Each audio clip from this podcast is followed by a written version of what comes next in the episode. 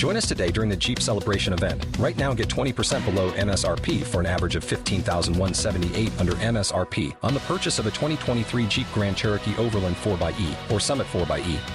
Not compatible with lease offers or with any other consumer incentive offers. 15,178 average based on 20% below average MSRP from all 2023 Grand Cherokee Overland 4xE and Summit 4xE models in dealer stock. Residency restrictions apply. Take retail delivery from dealer stock by 4 1. Jeep is a registered trademark.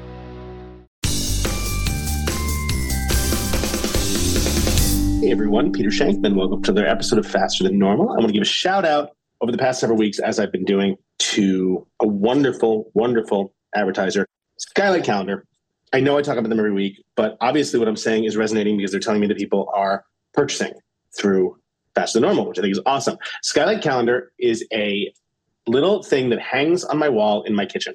And every morning before breakfast, my daughter and I look at the calendar and we see what chores she has. She sees what meetings I have. We see who's picking her up from school. We see if she has anything after school. Every time she completes a, completes a chore, she clicks on a little uh, little dot on the on the screen, and it disappears, and it makes her really really happy, and it makes me really really happy. And today being her first day of school, we are back to using it every single day, and she absolutely loves it. She gets to put her homework in it. We get to upload photos to it. It is just a phenomenal device. Skylight Calendar. Use the code Peter at Skylight Calendar, skylightcal.com. Use the code Peter and you'll get a really nice discount. It has saved us. We don't argue anymore about who has to do what, and that is pretty awesome. So I am very grateful to Skylight Calendar. They also make an awesome frame as well for just pictures. Check that out too. You're listening to the Faster Than Normal podcast, where we know that having ADD or ADHD is a gift, not a curse. Each week, we interview people from all around the globe, from every walk of life in every profession, from rock stars to CEOs, from teachers to politicians who have learned how to unlock the gifts of their ADD and ADHD diagnosis and used it to their personal and professional advantage to build businesses, to become millionaires, or to simply better their lives. And now, here's the host of the Faster Than Normal podcast, the only man who squirrel, Peter Shankman. Welcome to Faster Than Normal. We've been off for a couple of weeks, so it is awesome to be back. I want to introduce Laura Adams. We're going all the way to Ireland today, and that's about the extent of my Irish accent. But we're going to, we're going to Ireland. We're talking to Laura, Laura Adams, who is a neurodiverse author, researcher, and advocate. She got diagnosed at the age of 33. After, mind you, she managed to work full time, do a full time PhD, plan a wedding, organize a mortgage, not counting everyday tours and exercising. Oh, she also got pregnant. But in March of this year, at the age of 33, living with a brain that found it impossible to concentrate with constant migraines, anxiety, and fatigue, she received a formal ADHD diagnosis and informal autism. So we're starting to see a connection there as well. Light bulb turned on in her head. She felt a new sense of acceptance and empowerment, and she started to embrace her neurodiversity. She read Faster Than Normal. She listened to the podcast, and she's like, I got to be on. She's published two children's books on Amazon, which is better than I've done. I've only published one.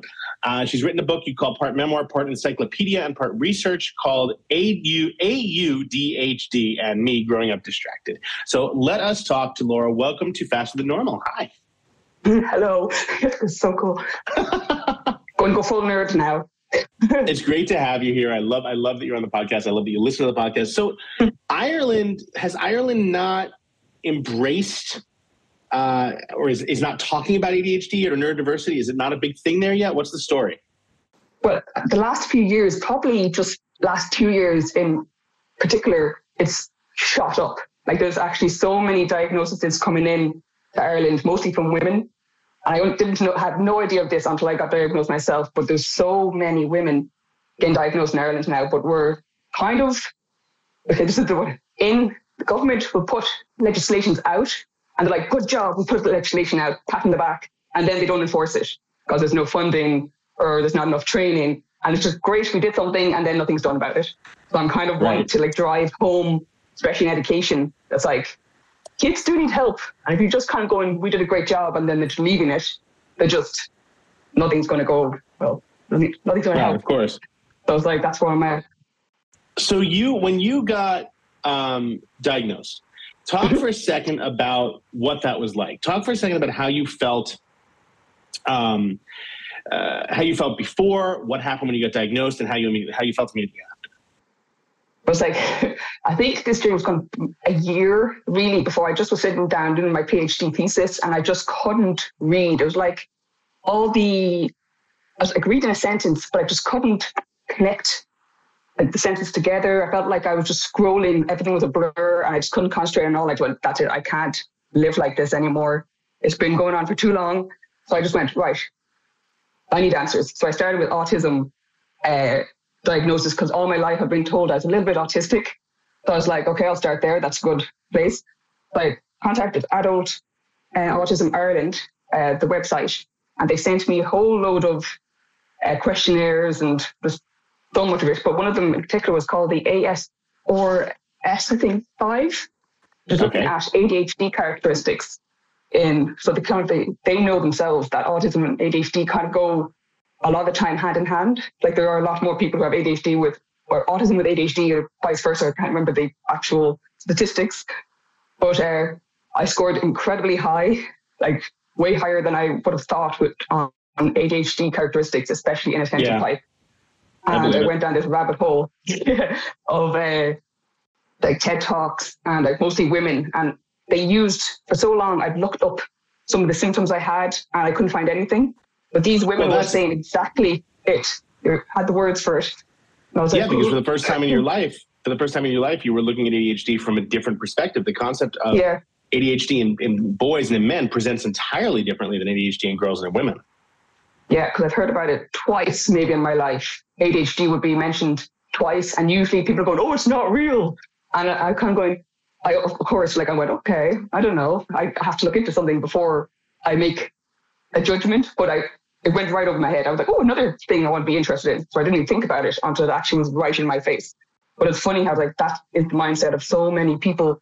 It's like, "Oh, they're just not paying attention, or they're not not trying hard enough, or like they're just daydreamers or they're, all the, like you've probably heard them all the excuses people tend to make for people who are like we are trying really hard thank you very much there's a reason why i have this migraine there's like a but that's the mindset that was kind of what i was told about and kind of adhd was brought up getting diagnosed and getting a name towards what you've been feeling oh. is an amazing it's an amazing relief and it's, it's funny because and i think you tell me your feelings on this you know you break your leg right? You see a bone sticking out of the middle of your leg, you're like, well, shit, I broke my leg. You don't need to get mm-hmm. diagnosed when you see a bone sticking out of the middle of your leg, right? But you but you have these internal problems. It's the premise of, oh, you don't look sick, nothing must be wrong with you, right? And and when you finally are able to uh, put those two and two together, it's life changing. Oh, it's, it's actually complete. And I say it's a the switch was almost because I had very low confidence. I couldn't like this would be something I'd never do. Talking to someone on a podcast, it's just an impossibility. I thought, no way I'd write a book.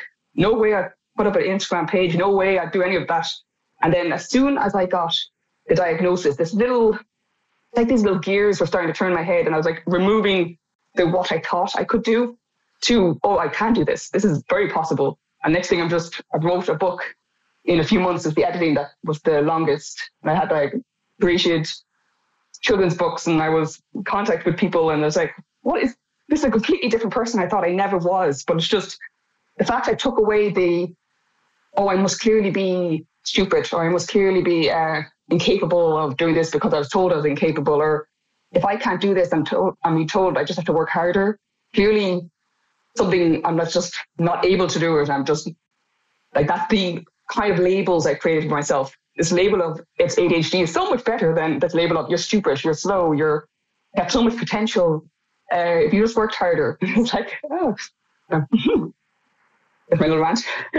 no, it's true. It's definitely a way to I mean, a lot of people listening, as well as myself, grew up with the you just need to apply yourself.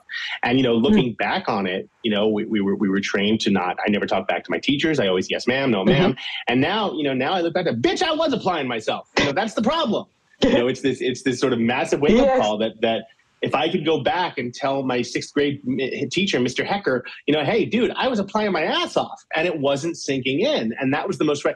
You know, I think it's one thing when you when you fail or when you don't do well, and you you know it's because you weren't trying. It's another thing when you try your butt off mm-hmm. and it still yeah. doesn't click. Especially, so, go ahead. I was like, because uh, I would do really well in certain subjects. Like I had, have a publication uh, with pain in crustaceans, but then I was like, I can't do this other things. Like, how do I manage that? But can't manage oh, yeah. this. So clearly, I'm just lucky, or I fooled people. And that's the thing. Is like, yeah. you, it's very like, yeah. So you just kind of go, maybe I lied to them, and that's how, or maybe it was luck. And then That's where imposter syndrome comes, comes from. You mm-hmm. don't believe anything you've done. Everything you've done is luck. Everything I've done is luck.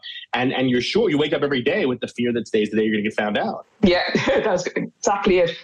Really fast, I just got to ask this: What the hell is the behavioral response of crustaceans to anthropogenic noise? Which was your P- who does a PhD in that? What is that?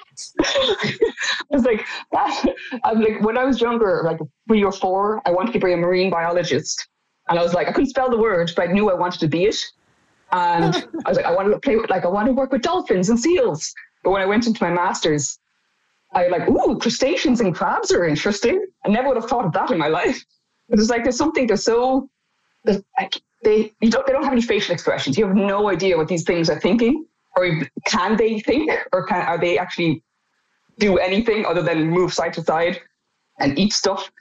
So, like, noticing that changes in their behaviors or their physiology is actually their signs of stress. So my initial publication was looking at pain response. Is it just uh, the fact that they're moving around more when you electrocute them? It's like the electric, electric shock. Or is it that they're, stressed? And it, my research shows that there is definitely more of a stress response uh, in their, I was looking at hemolymph, their blood. So I was looking at uh, lactate level in their blood, and it was much higher in individuals who are shocked than individuals who are not shocked, even if they're both moving around. So it's like, oh, there's something going on there. But I don't like shocking animals. like I felt guilty every single time I did it, and I turned to alcohol nearly every experimental day. So I went, I can't do this. That's not healthy. So I turned to um, noise stress instead, and I just looked at how anthropogenic noise, or like human boat noise, really is irritating or can cause an anxiety-like response to in these uh, shore crabs, which you see in the just around the beaches everywhere, and how they respond to it. I just wanted to see how the long-term noise uh, affects their anxiety-like response or their aggression levels, and if it because aggression in crabs is incredibly important. I'm like, oh, I feel like they stop me at any time. I'll keep going. It'll be like a five hours. No, I love, I love this. That makes a lot of, makes a lot of sense, though. Because I know they were doing there were, there were, studies in the U.S. about about um, how how military boats affect whales.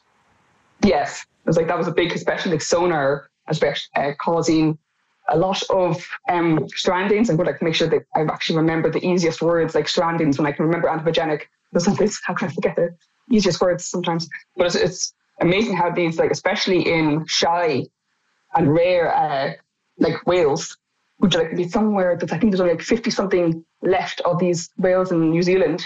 And if they're scared by noise, they'll move away from the area they're safe and right into the path of predators. And there's like there's only 50 something of these whales left and they could be eaten because like a ship scared them. And it's just like a lot of this is a but then we never really think about the shore crabs as well, who pretty much are the food for everything else or the uh, cause um they do like it's not even irrigation, what would be the word they kind of um, churn pretty much the soil and provide food for a lot of other food items for animals. So I was like, I like to right, look at the right. The base.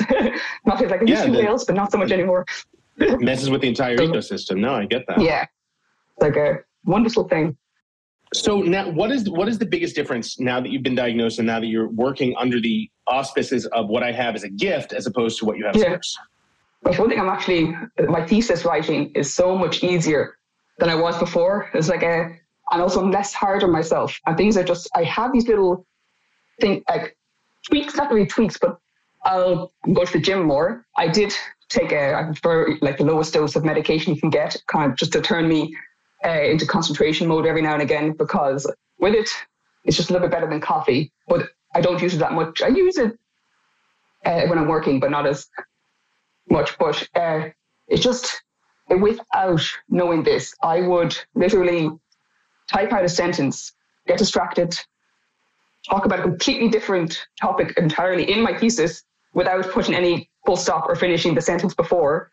I would have my, like, I'd have information that should be at the end of the thesis, at the beginning of the thesis, and just everything would be all over the place. But I could, just couldn't nothing would be in a linear story. Everything would just be all over the place. And that would be like, I can't believe the difference. I can actually notice these things now. I go, oh, that's not supposed to be there. I'm going to move that. This actually reads right. like a proper story. The characters are yep.